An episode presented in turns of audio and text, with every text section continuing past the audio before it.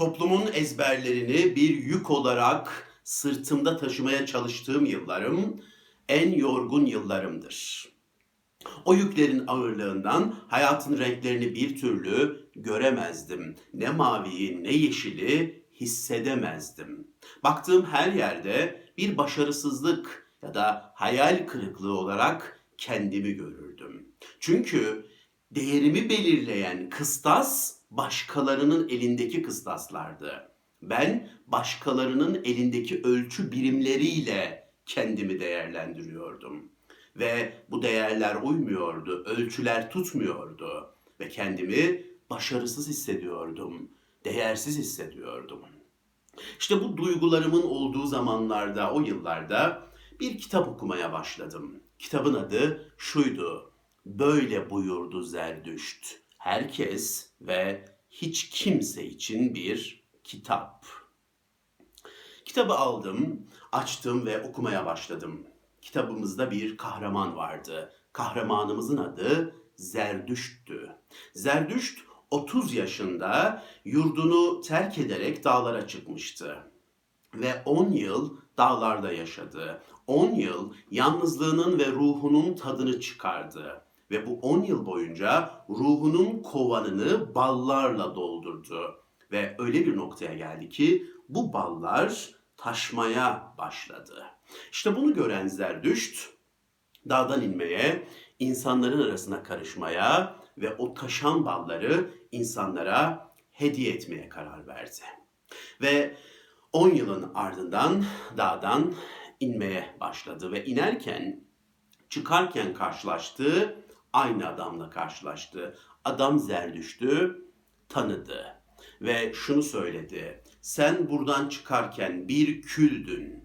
10 yılın ardından şimdi görüyorum ki küllerinden doğmuşsun. Şimdi alev alevsin, yanıyorsun. Hani biz deriz ya ateş ediyorsun diye, yakıyorsun diye.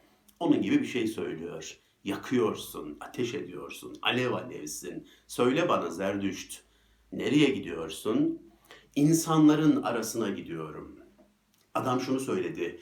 İnsanların arasında ne yapacaksın ki? Onlar uyuyorlar.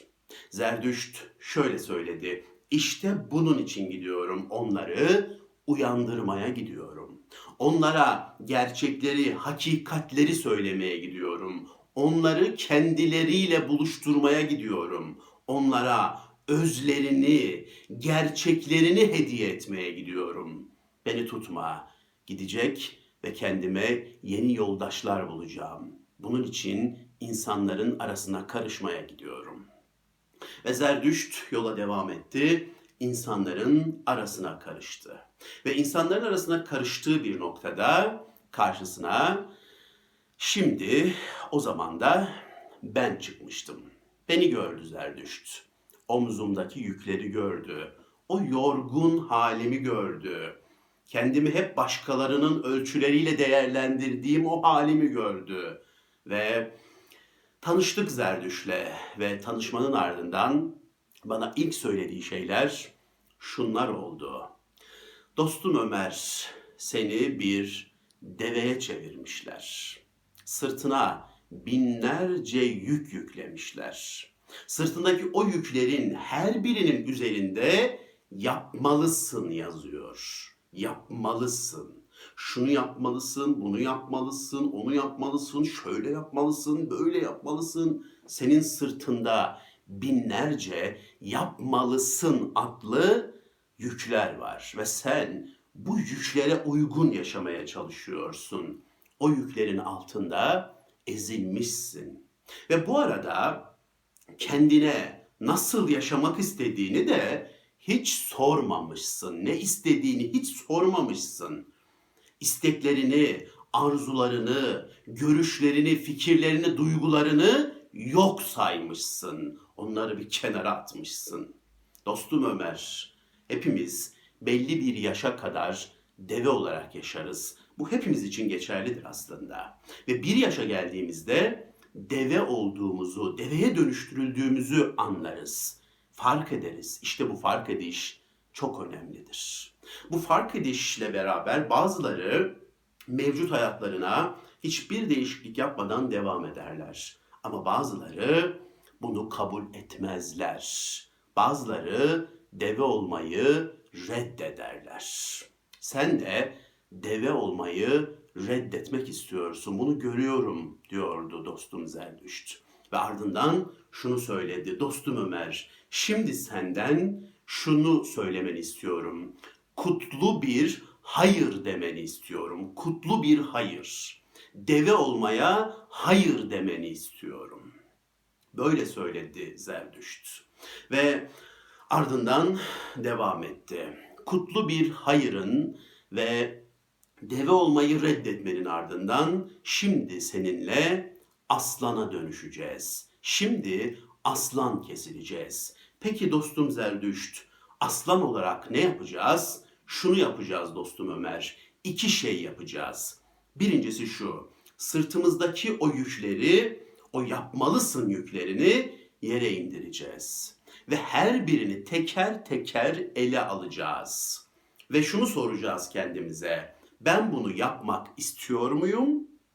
İstemiyor muyum? Yapmak istemiyorsan yapmayacaksın. Hiç kimse sana karışamaz. Sen bir bireysin, yetişkin bir insansın. Hiç kimse sana zorla bir şey yaptıramaz. Yapmak istemiyorum diyorsan yapmayacaksın. Yapmak istiyorum diyorsan o zaman da bunu ben yapmak istiyorum diyerek yapacaksın. Yapmalıyım, yapmalısın, yapmak zorundayım şeklinde değil. Ben bunu yapmak istiyorum diyerek yapacaksın.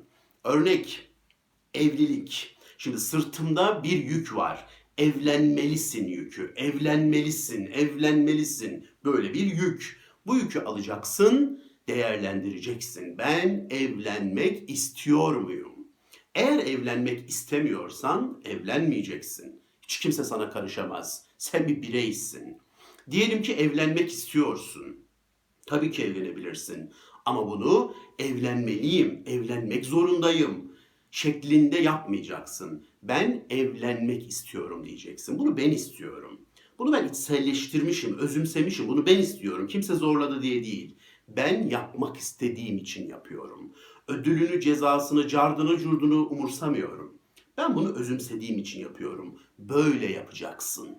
Örnek, sırtında bir yük var. Çocuk yapmalısın. Değil mi? O da var. Çocuk yapmalısın.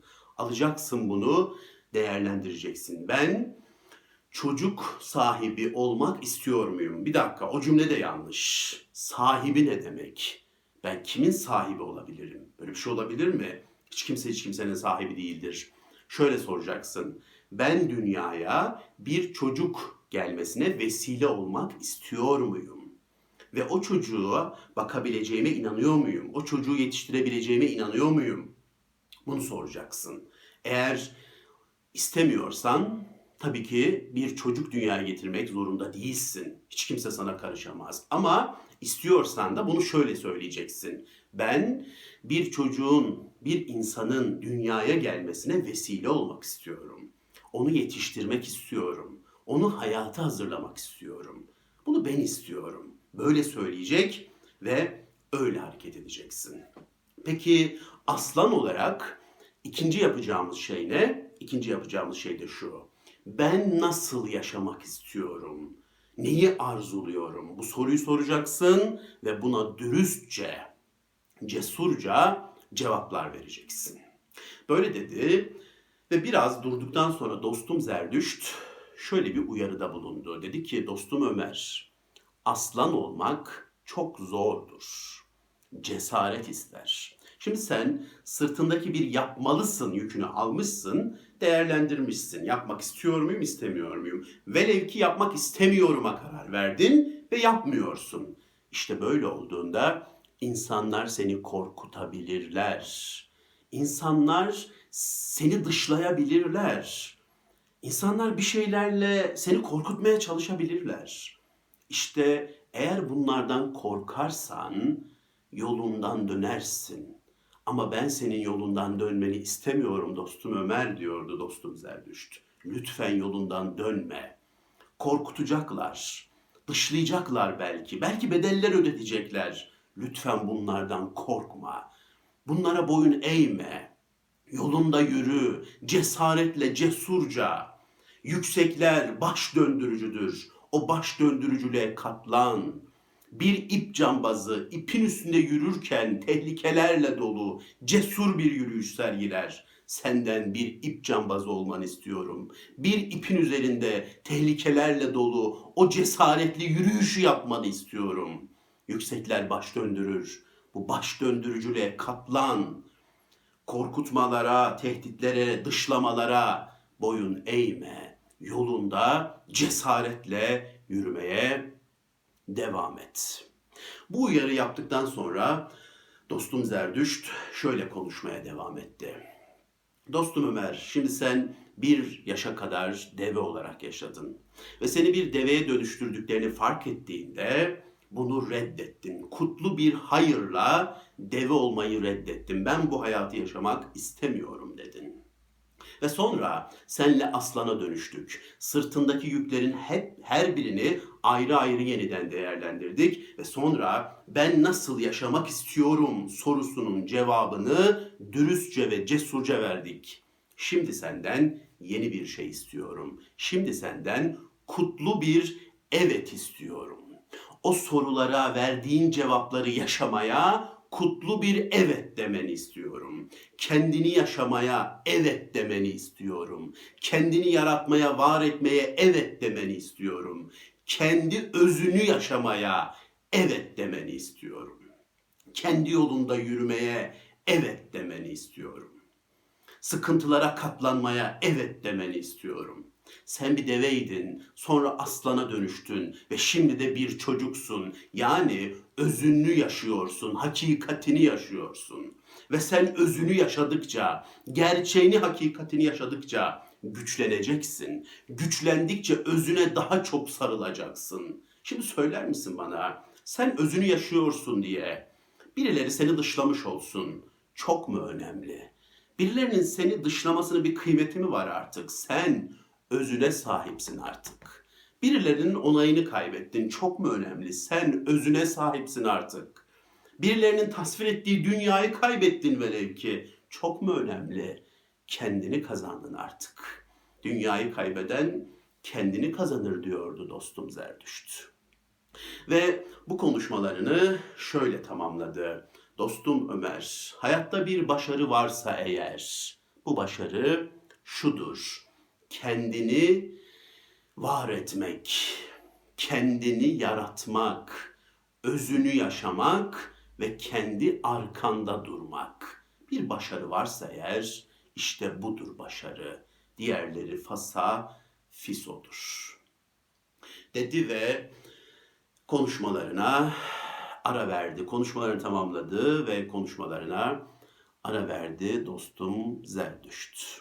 Ve ben de kitabı şimdilik ara vermek maksadıyla o zaman kapattım. Ve günlerce bu konuları düşündüm. Dostum Zerdüşt'ün beni davet ettiği yola girdim. O yola icabet ettim. Elimde bir kutlu hayır vardı. Sonrasında bir kutlu evet. Ve kendi yolumda özümü yaşayarak ağır aksak ilerlemeye başladım. Peki o yolda ilerlerken mükemmel bir şekilde mi ilerliyorum? Elbette hayır. Elbette mükemmel falan değilim. Düşe kalka ilerliyorum. Ağır aksak ilerliyorum. Bazen topallayarak ilerliyorum. Bazen duraksayarak ilerliyorum. Ama bunların hiçbir önemi yok. Ben kendi yolumda ilerliyorum ve o yolda ilerlemek istiyorum. O yolun nereye gideceği umurumda bile değil. Ben o yolda düşe kalka da olsa yürümek ve var olmak istiyorum. Hatta şunu söyleyeyim, biraz kaba olacak kusura bakmayın ama o yürüdüğüm kendi yolumun sonu bok çukuru bile olsa ben o yolda yürümeye devam etmek istiyorum. Dostum Zerdüşt'ün davetine ben uydum. Onun davetine icabet ettim.